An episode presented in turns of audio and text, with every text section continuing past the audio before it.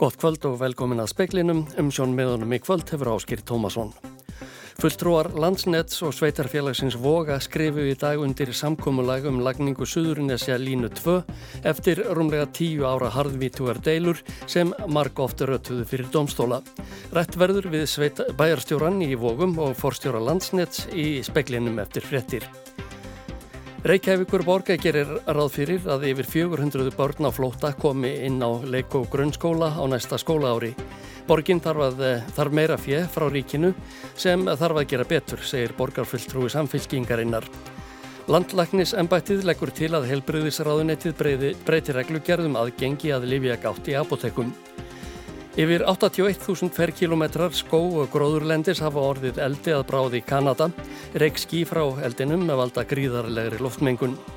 Þá segjum við í speklinum frá því að fyrsta skrefið í áttasögulegum sættum í stjórnmálum hefur verið stíið í Noregi. Ríkið þarf að gera betur og borgin þarf meira fér til að taka á móti flótafólki, segir borgarfulltrúi samfélkingarinnar. Reykjavíkur borg gerir ráð fyrir að yfir 400 börn á flóta komi inn í leik og grunnskóla á næsta skóla ári. Á síðustu árum hefur Reykjavíkur borg tekið á móti yfir þúsund börnum sem ekki hafa íslensku sem móðurmál. Þjónustafi flótafólk og umsækjendur um alþjóðlega vend var rætt á fundi borgaráðs í gær og við vorum svona að reyna að sjá fyrir okkur framhaldið hvernig við, já, hversu mörgum við getum búist við og svo við séum svona kannski undir það búinn og það sem að kannski svona miðgildi sviðismynda er að við getum búist við að á næsta ári komi 420 börn segir Heiðabjörg Hilmistóttir, borgarfulltrúi samfylkingarinnar. 420 börn, þetta er mikill fjöldi og ef ég mann rétt 144 og leikskólaaldri það hefur nú ekki verið hægðarleikur að finna leikskólaplás. Mm -hmm. Ráðið við þetta? Þetta hefur uh, reynst okkur frikar uh, erfitt, má segja. Við höfum þetta á síðustu tveimur árum fengið þarna til viðbútar uh, yfir 700 grunnskóla börn og yfir um 400 leikskólabörn á senast tveimur árum og við finnum og í rauninni er ég full aðdánar á starfsfólki Reykjavíkuborgar og hvað hefur einhvern veginn látið þetta allt sem hann ganga upp og gerast. Það er búið að gera ótrúlega marga hluti og möguleg, jú, ég hugsa að við getum þetta en ég hugsa að við, þurfum að fá auki fjármagn með þessu stóra, stóra verkefni til þess að við getum gert þetta vel. Um, við erum í rauninni að bæta við einungarinn skóla og kannski þrejum leikskólum í Reykjavíkuborg sem ekki var að gera það allir fyrir Þetta var Heiða Björg Hilmisdóttir, Óluf Ragnarsdóttir saði frá. Embætti landlagnis leggur til að heilbröðisráðunettið breyti reglugerðum aðgengið að lífiagátt í apotekum. Personuvernd hefur komist að þeirri niðurstöðu að embættið hafi ekki við haftir aðstafanir til að tryggja öryggi personu upplýsinga í apotekum.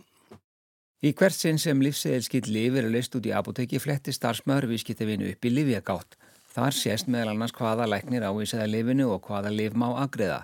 Uppflettingar í lifigátt komist í hámæli fyrr á árunu þegar greint var frá því að fólki hefði að þarlusu verið flettar upp.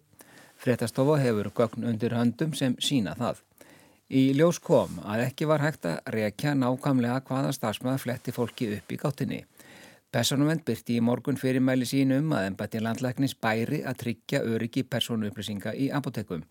Embættið brást skjótt við. Alma Möller landlagni segir að búi sig að ítreka ósk um breytingu á reglugjörð þar sem gerði skýrari krafa um aukið öryggi. Einni var haft samband við Lífjastofnun sem hefur eftirlit með apotekum. Og það fer þá sameilett bref embættis landlæknis og Lífjastofnunar vonandi þegar í dag til Lífjabúða um að þetta þurfa að gerast. Þá hefur embætti landlæknis einnig sett sér í samband við Órigó um tæknilega hlið málsins. Og Órigó mun hafa samband við þróunar aðila þessara livjaafgriðslu kerfa sem eru í apotekunum varðandi nöðsynlega breytingar því að livjaafgriðslu gáttin leifir alveg þennan reykjaleika en livjaafgriðslu kerfið sem er hjá apotekunum gerir það ekki. Þetta sagði Alma Möller í samtali við Benedikt Sigursson. Meiri hluti lækna sem reyka eigin starfstofur samþyktu samning sjúkratrygginga Íslands og læknafélags Reykjavíkur sem undirritaður var í vikunni. Samningurinn felur í sér aukið fér til þjónustu sérgreinalækna sem nefnur um 4,2 miljardum króna á árs grundvelli. Aukinni þáttöku sjúkratringa Íslands í kostnaði er ætlað að lækka kostnað fyrir sjúklinga. Þá ágreðslu þáttaka sjúklinga að lækka um alltaf 3 miljarda á ári. Síðustu bíósýningar í háskóla bíói verða í kvöld. Þar með líkur 62 ára sögu bíósins þó starfsemi haldi áfram í húsinu. Bíóhúsið var opnað almenningi 7. oktober 1961. Fyrsta myndin til að príða kvítatjaldið var Hollywood myndin Fiskimæðurinn Mikli eða The Big Fisherman frá árinu 1959. Myndin fjallar um æfi Péturs Postula og skartaði stórleikaranum Howard Keel í aðalutverki. Í alþjóðblæðinu 12. oktober 1961 segir um nýja kveikmyndahúsið.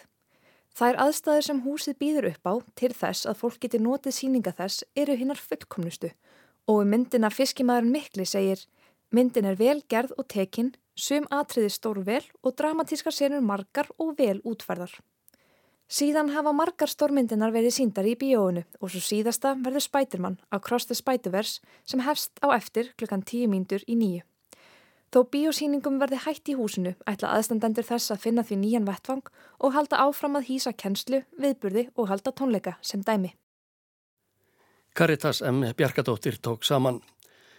Réttarhöldi yfir leikarannum Kevin Spacey heldu áfram í dag. Ákerulíðirinnir eru 12 talsins og eh, tengjast brotum gegn fjórum mönnum á árunum 2001 til 2013.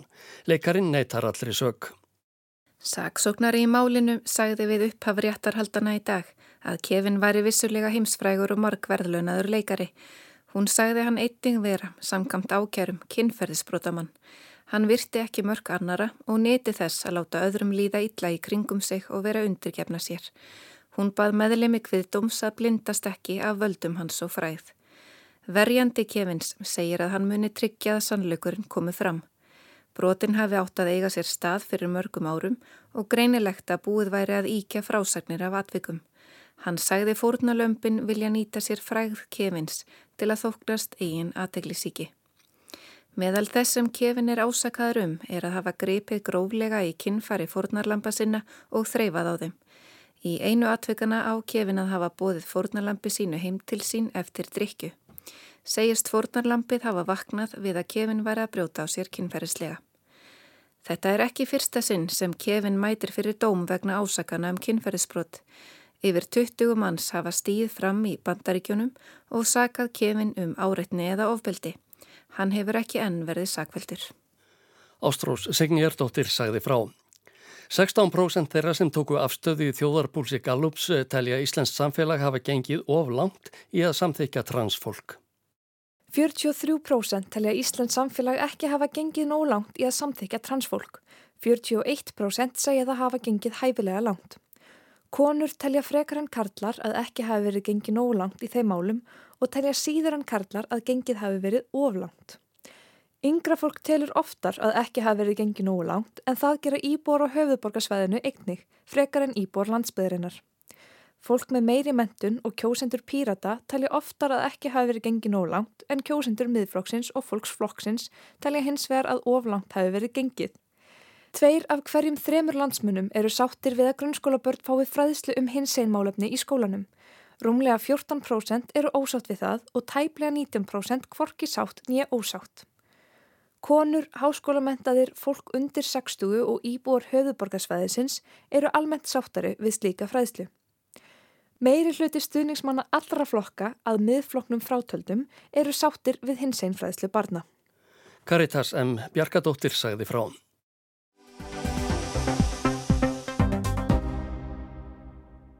Hér liggur nú fyrir samkominlag sem að tryggir að framkvæmt við Suðunarsjálfínu 2 getur hafist vonandi innan skams. Samkominlagið er afrækstur, góðra saminu og samtal sem hefur átt sér stað á milli uh, bæjarífalda í Vógum og, og starfsmannar landsnets á undanförnum vikum þar sem að aðilar láðu sér fram um það að, að leita að leið til lausnar á, á þessu stóra máli og hún liggur hér fyrir um, og felur meðal hans í sér að, að uh, breytingar á, á lagnarleið eða fyrirkomala í suðunum sér línu 1 sem verður að hluta til lögð í jörð uh, strax og framkvæmdum við Suðuninsjálflínu 2 er lokið og til framtíða litið er stemt á því að, að línan verði lögð sem jærstrengur innan sveitarfélaga marka boga. Þetta var Gunnar Axel Axelsson, bæjarstjóri í Vógum á Vasslessuströnd sem í dag undirðitaði samkúmulag um lagningu Suðunisjalínu 2 á samt Guðmundi Inga Ásmundsinni, forstjóra landsnets. Saga Suðunisja línu 2 er bæði laung og stormásum. Átökinum hana hafi verið langvinn, á köplum hatrömm og þau hafa ítrekka rata fyrir domstóla, allt frá því að Orkustofnun veitti landsneti fyrst leifi til að leggja og reka línuna árið 2013. Minnst hefur verið deilt um það hvort leggjaskildi Suðunesja línu 2 sem flestir verða sammála um að sé nöðsuleg til að tryggja orku öryggi og ebla atunulíf á Suðunesjum en þeimun meira um hvar og sérstaklega hvernig skildi leggja hana, í lofti eða í jörðu. Ætlunin var að klára framkvæmdir fyrir árslokk 2015 og loka frágang ári síðar. Nokkri landeigundur í sveitarfélaginu Vógum á Vasslössuströnd kærðu leifisveitinguna því þeir vildu að línan er því jarðstrengur en ekki hengda á háreist möstur eins og til stóð. Hérastómur Reykjavíkur dæmdi landsneti í vil en hæstir eftir snýri þeim dómi og ógildi leifið með þeim raukum að orkustofnun hefði ekki upplýst landeigundur um að samkómulagi þá væri forsenda þess að landsnet gæti nýtt sér leifið en að öðrum kosti yrði að taka land þeirra eignanámi. Að auki hafi orkustofnun og landsnett ekki látið kanna möguleikan á því að fara að vilja landeigenda og leggja jarðstreng. Fyrr sama ár hafði hæstur eftir ógilt ákverðun yðnaðar og viðskiptar á þeirra um að heimila eignarnám á jörðum vegna lagningar línunar sem hérastómur hafði áður samþygt. Loks staðfesti hæstur eftir dóm hérastóms Reykjanes þar sem framkvæmda leifi sveitafélagsins voga vegna Suðunisja línu 2 var ógilt á grundvelli gallas umhverfismats. Eftir ítalega ríni kaus landsnett engu að síður að halda loftlínu kostinu til streitu og óska eftir framkvæmda leifi fyrir hann. Það var þess vegna áfram tekist harta áumlagningu línunar jæmt utan domstóla sem innan því þótt samningar næðust við flesta landeigundur átti það ekki við um alla og þótt þrjú af fjórum sveitarfélögum sem línan á að leggja um hafi veitt um beðið framkvæmda leifi brá nú svo við að fjórðarsveitarfélagið vogar á Vasslösu strönd sem áður hafði veitt framkvæmdalefi, snerist á sveif með náttúruvendarsinnum í hópi landeganda, þver tók fyrir að heimila loftlínu og kraðist þess að jarðstrengur erði lagður í staðin. Og sveitarstjótt voga varð ekki hakkað í þessari afstöðu sinni, þráttur í mikinn og vaksandi þrýsting. Þar til nú. Og þótt bæjastjórun Gunnar Axel hafi í dag undirritað samkómulag sveitarfélagsins við landsnett um lagningu þessarar umdildu háspennu línu, þá er enn ósamið við átta landeigundur. Arnhildur Haldanadóttir náði tali af bæjastjórunum. Þið hafi verið mótfallin uh, lagningu loftlínu. Hvað breyttist? Já, bæjarauðvaldi vógum hafa alltaf lagt áherslu á það að draga sem mest úr sjónrænum áhrifum þessa verkefnis og hafa lagt áherslu á það að línarnir er lögð sem jarstrengur en ekki loftlína. Niðurstöðan í þessu samkominlega er svo að í stað þess að leggja Suðuniselínu 2 sem jarstrenga þá verður Suðuniselína 1 tekið niður og hún lögð sem jarstrengur. Þannig að það var þarna laust sem að ykkur finnst ásættanleg. Já, þetta er eins og uh, alltaf þegar aðilar komast að sammeilinu niðurstu að þá þetta eitthvað leiti tekið tillit til begja sjónamiða og já, bæjastjórn hér í Sveitaflæðinu Vógum og hún samsýtti tiljóð þessa efni samljóða á, á fundi sínum í dag. Þannig að það er sátt um niðurstöðuna. Hafið þið upplifið mikinn þrýsting frá Sveitafélum hérna í kring landsniti stjórnmálamennu? Já, ég held að það sé ekki hægt að segja hann. Það hefur mjög mikil þrýstingur á, á Sveitafélagi Voga og auðvitað á landsnett líka. Og við vonum auðvitað að nú sé hægt að ráðast í þetta verkefni og það verð ekki fleiri hindranir á, á veginum. Er þetta segur fyrir ykkur eða hafið þurft að, að láta eitthvað undan? Eins og ég sagði áðan að, að samkómalega þessu tægi felur auðvitað aldrei í sér fullnaða segur fyrir neitt og það er auðvitað heldur ekki markmiðið sjálfum sér. En þetta er segur af þessu leiti og ég bara vil segja segur fyrir alla aðila bæði okkur, landsnett og alla aðra aðila sem að eiga hagsmunni undir í þessu mikilvæga máli.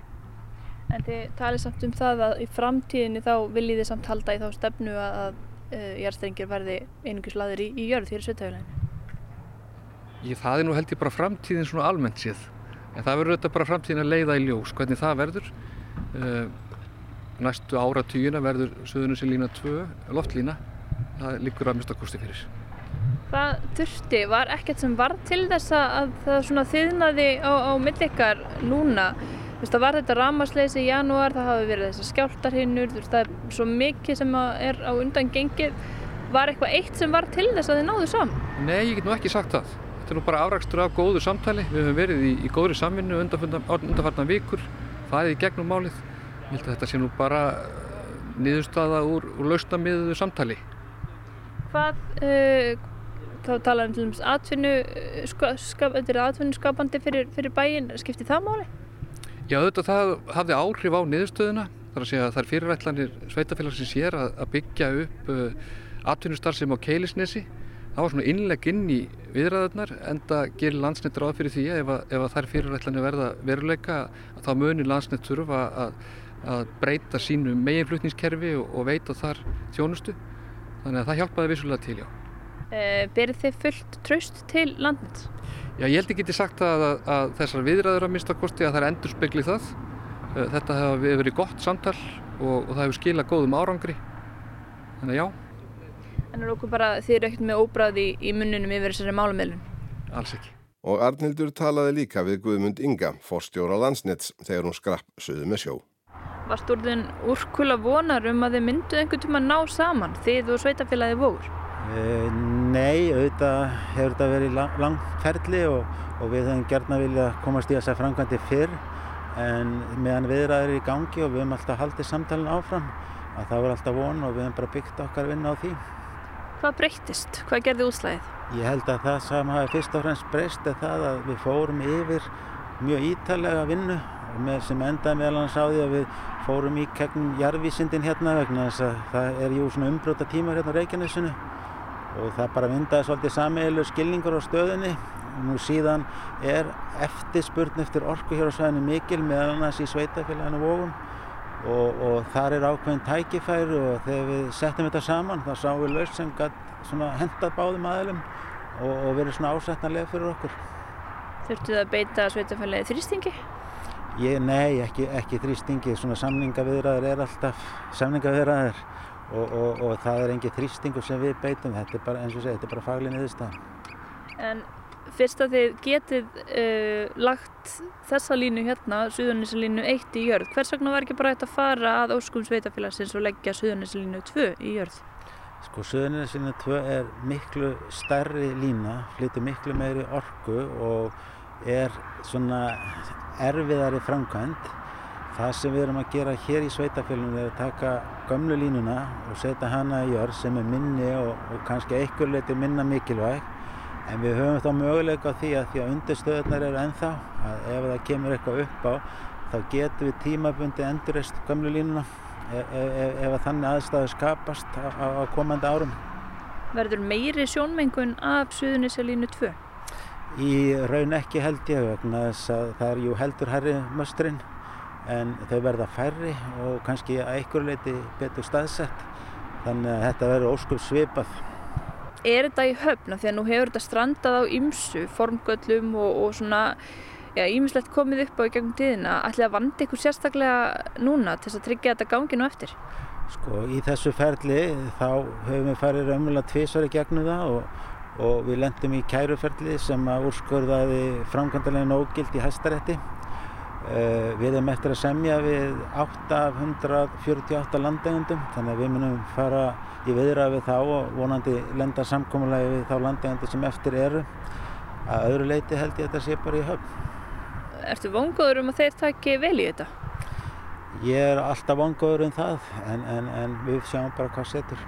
Hvernig verður Suðunisalína 2 komin í gagnið og búið er aðast þessar framkvæmdir með að leggja eitt í jörð? Uh, svona gangi allt mjög vel hjá okkur og, auðvitað er náttúrulega svolítið erfitt ástand í heiminum að, að fá aðfeng en gangi alltaf óskum hjá okkur þá eru vonast til þess að það verði kannski komið í, í lok næsta árs. Kostnæðurinn? Kostnæðurinn við Söðunisalínu 3 er í kringum 3 miljardar en svona fyrir heildarverkefnið með tengingunum og, og, og þeim aðgerðum sem við vinna hérna á svæðinu þá er þetta kringum 7 miljardar krónar. Já, já, það var ekki bara við það takast í hendur. Já, það er hann ekki með þetta. Sumulegis. Það er kæla fyrir samstæðið. Sumulegis, takk og vonandi ef gott framstæður í framkvæmduna að sjálfsögðum. Það sjálfsögðum. Það er ímislegt eftir þá að undirskriftin sé komin. Já. Við veitum það. Já. Þarna heyrðum við klappað fyrir þeim Gunnari Axel Axel sinni og Guðmundi Inga Ásmund sinni þegar þeir skrifuðu undir samkómulægið um lagningu þessarar umdeildu háspennulínu suður á Vassleysu strönd. Það var Arnildur Haldanardóttir sem rætti við þá en Ævarörn Jósefsson tók saman.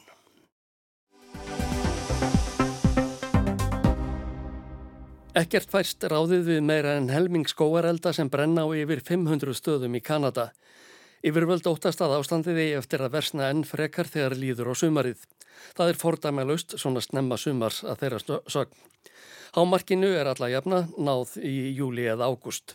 Þá þykir það óveinilegt að svo margir eldar blósi upp á sama tíma. Miklum hlýjendum og þurkum að undanförnu er um að kenna að mati sérfræðinga í umhverfismálum. Eldarnir valda alvarlegri loftmengun í Kanada og norðaustur og miðvestur ríkjum bandaríkjana. Lindsay Marr, professor í umhverfisverkfræði við Virginia Tech háskólan, segir að mengunin sem berst yfir til bandaríkjana sé fordæmalauðs. This level of pollution is really unprecedented for the eastern U.S. We've seen fires like this affect air quality in the western U.S., but really never before in the eastern U.S. Mengunin á sér engin fordami í austur hluta bandaríkjana, segir Marr í viðtali við kanadíska ríkis útvarpið CBC. Við höfum séð skóarelda eins og þessa valda loftmengun í vestur hlutanum en aldrei áður í austur hlutanum. Áhrifana gætir víðar en í Kanada og Bandaríkjónum. Veðurstofan í Breitlandi skýrði frá því í gær að á gerfinnattarmyndum sem teknar voru yfir landinu í vikunni hefði mátt greina reik frá skóareldunum. Landsmenn hefðu þó ekkert að óttast vegna þess hver hátt uppi hann væri. Þar sem mökkurinn er þjættastur begja vegna landamærarna keppast heilbriðis yfirvöld við að vara við afleðingum loftmengunarinnar. When you breathe in air from wildfires, what very often ends up happening is not only are you inhaling ash and particles, but you're inhaling chemicals as well.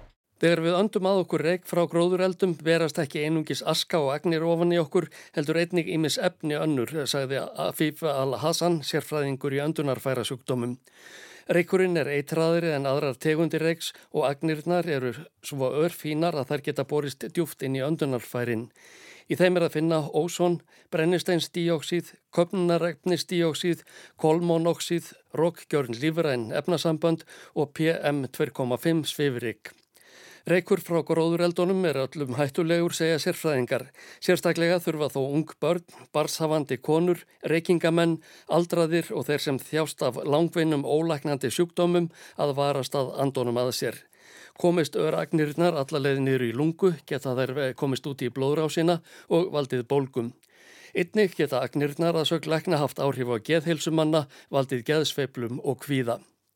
Matthew Mitchell, vísindamaður á sviði matvælarannsókna við Háskólan í Bresku Kolumbíu í Vancouver, segði í viðtali við AFP frettastofuna að reykurinn gæti einnig haft margvísleg áhrif á heilsu dýra, svo sem loftskipti í blóði og starfsemi lungna.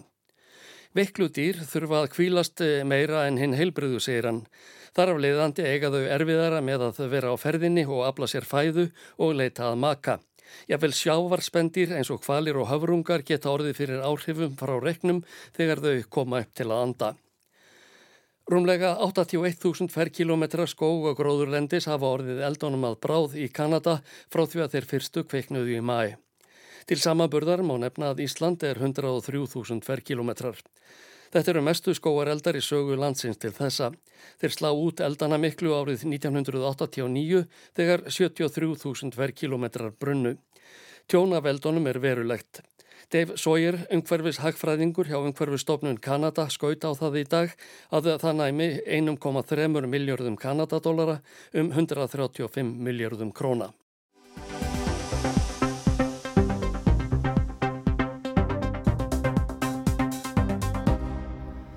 Í Noregi hefur Jónas Gahr Störi fórsættisar á þeirra stíð fyrsta skrefið í áttað sögulegum sættum í stjórnmálunum. Hann eh, býður höfuð andstæðingnum í hægri floknum upp á samstarf um mikilvæg mál. Erna Solberg, leiðtói hægri manna, tekur bóðinu og er til í samstarf. Þetta gerist þvert á samstarf sitjandi stjórnarflokka og er nýtt í norskum stjórnmálum. Gísle Kristjánsson. Flestir eru sammálum að pólitíkin er undarlegt gæludýr og þó vinsælt og marga langar til að hafa eina slíki bandi. Gengur þó misjaflega. En hér í Nóri hefur Jónaskar Störe, forsætisráðherra og fóringi verkamannaflokksins bóðið höfuð andstæðingunum upp á samstarf í mikilvægum málum. Það eru óvinnir flokks hans allt frá upphafistjættar stjórnmála fyrir meirin hundrað árum. Þetta gerðist bara í gær. Óvinnurinn í meirin heila öld er hægri flokkurinn sem núna lítur fórustu Ernu Solberg fyrir um fósatisráðra. Jónas rakti Ernu úr stjórnaráðun í síðustu kostningum og Erna heitir því að taka þar sæti aftur. Þetta er eðlilegt í gamalgrónu líðræðisríki. En hvernig tekur Erna þá í vinarhót Jónasar? Jú, hún þakkar bóðið pent og er tilbúin í samstarf um mikilvæg mál. Nú er það ekki svo að stjórnar kreppa blasi við Jónasi, alls ekki. Hann mista vísur á þeirra fyrir borð á dögunum en það hakkar ekki því að samstarf flokka á vinstri vang stjórnmálana stendur stert. Ríkistjórnin er minni hlutastjórn en með stuðningi sósélista og er fríður að kalla á stjórnar heimilinu. Af hverju dettur Jónasi þá í hug að byðla til hægri byðla til óvinnarins og bjóð upp á samstarf um mikilvæg mál. Af hverju heldur hann sig ekki bara heima á vinstri vagnum, skilin á milli hægur og vinstri, milli borgarlegra flokka og sósialistískra flokka hafa verið óyfirstíganli í Nóriði í meirinn hundrað ár.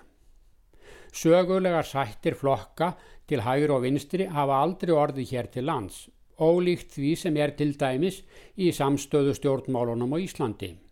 Í Noregi hafa átaka stjórnmál ríkt í meirinn hundrað ár og flokkar til hægru og vinstri reyðraður um sig í skotgröfunum, já nemaðu breytinga nú í vandum. En hefðin er sterk og vandi að rjúfa hana. Trátt verið þessa stöðu hafa glöggir menn lengi vitað að lítill munur er á stefnu verkamannaflokksins og hægriflokksins í mörgum mikilvægum málum. Hins vegar er mikill munur á stefnu verkamannaflokksins og stuðningsflokksins, sósialíska vinstriflokksins, í þessum sömu mikilvægu málum. Þarna er fyrst að telja utaríkis og varnarmál. Verkamannaflokkurinn og hægriflokkurinn hafa þar verið sammála alveg frá því að kaldastriði skall á eftir síðari heimstyrjöld. Og Jónas býður núna erðn upp á samstarfi þeim flokki.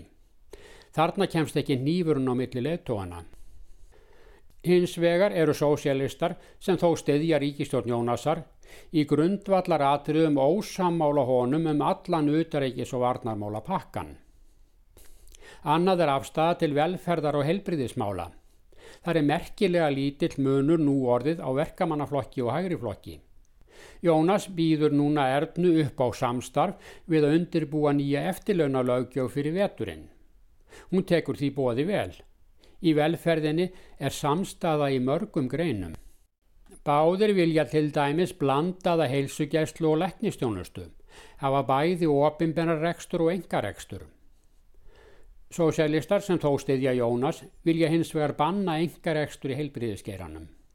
Þarna er grundvallar munur á stefnu flokkana til vinstri en einfalt fyrir Jónas og verkamannaflokkin að ná samstöðu til hægri og yfir hinn óyfirstíganlegu skil milli hægur og vinstri. Jónas og Erna eru helst ósamál um skattamál, þó ekki um megin atriði skattheimtunar heldur um útfæslu til dæmis á eignaskatti og umdeldum lagsaskatti. En hvorugur þessara flokka vil hrópla við stefnu í ríkisfjármálum. Aðhald er stefna begja. Grúharlem Blundland mótaði þá stefnu fyrir 30 árum og hún stendur óhögguð. Eftir stendur svo svo evi af hverju þessir höfuð og óvinnir vinna ekki bara saman úr því að þeir eru sammála um flest. Saman hafa þeir meir hluta á stórtinginu. Hefur þá annar flokkurinn stólið stefnu hins eða hvað? Eða hafa þeir bara skipst bróðurlega á stefnumálum yfir hinn óyfirstíganlegu skil millir hægru og vinstri. Báðir flokkar virðast af að síið hægt og rólega inn að miðjunu og nún er bara eftir að fallast í faðma yfir markalínuna. Í lokinn er það veðurhorfur næsta sólaring, norðaustlæg 8 og skúrir, svalt fyrir norðan en hiti 10-15 stig sunnanlands. Fleira er ekki í speklinum í kvöld og reyndar ekki næstu vikurnar þar sem hann er að fara í sumarfrí. Speilin verður næst á dagskrá þriðju daginn 8. ágúst. Teknimaður í kvöld var Kári Guðmundsson og frétta útsendingu stjórnaði Margret Júlía Ingimarsdóttir. Verðið sæl og góða helgi.